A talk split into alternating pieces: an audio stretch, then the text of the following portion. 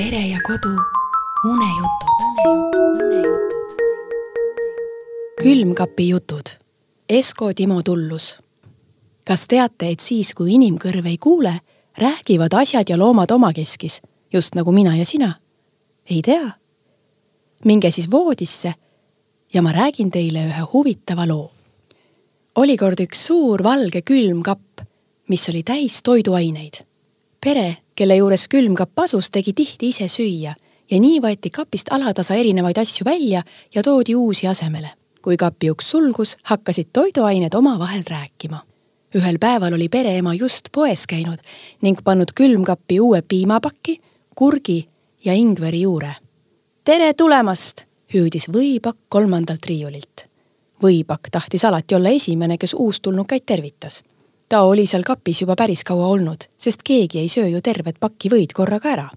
piima ja kurki ma tunnen, aga mis juurikas sina oled? küsis võipakk ja vaatas Ingveri poole. mina olen Ingveri juur, vastas Ingver.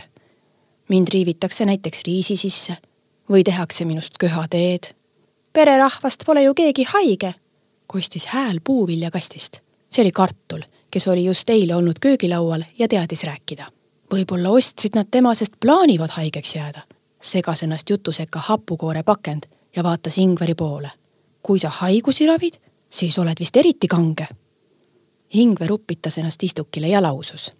mind läheb tõepoolest korraga vähe vaja, aga ma loodan, et neile meeldivad teravamad toidud ka.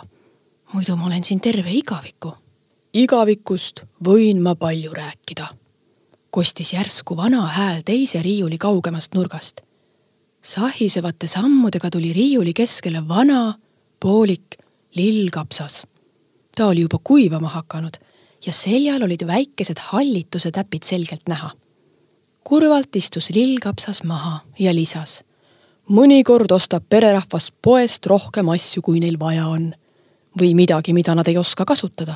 kui mina kord ammu poest koju tulin, võttis pereema minust pool ja tegi maitsva lillkapsapüree mmm, see oli nii hea või silmaga keskel. lillkapsas vaatas kurvalt enda ette. aga siis ma ununesin siia kappi ja uued asjad nügisid mind kogu aeg tahapoole. nüüd valutab mul juba igalt poolt ja eks aeg näitab, mis minust saab. puljongikuubik kallutas ennast üle uksekasti ääre mina olen näinud, et pereema hakkab mõnikord külmkappi koristama ja tõstab meid kõiki köögilauale siis peseb ta kapi seest hästi puhtaks ja paneb meid jälle kohtadele tagasi. kuid mitte kõik ei tule kappi tagasi. viimati jäid mõned tomatid, kurgitükk ja üks lahtine konserv ning pahaks läinud kohupiim meist sinna lauale. mis neist sai? küsis porgand juurviljakastist. ma ei tea, vastas Kuubik.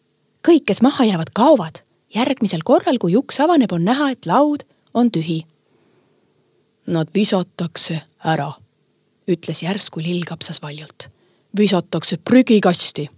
Nad tulid, olid ja neid polnud vaja ja nad visati ära. kõik kapis olijad kohkusid ja kappi saabus vaikus. kõik mõtlesid samale asjale, kas neid on vaja või visatakse ka neid lihtsalt minema.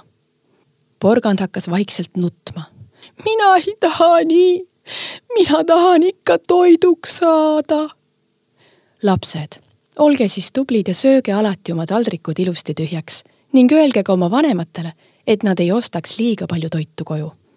muidu võib osa sellest halvaks minna ja tuleb ära visata, aga see ei meeldi kohe üldse mitte toidule. toidule meeldib ikka kõhtu jõuda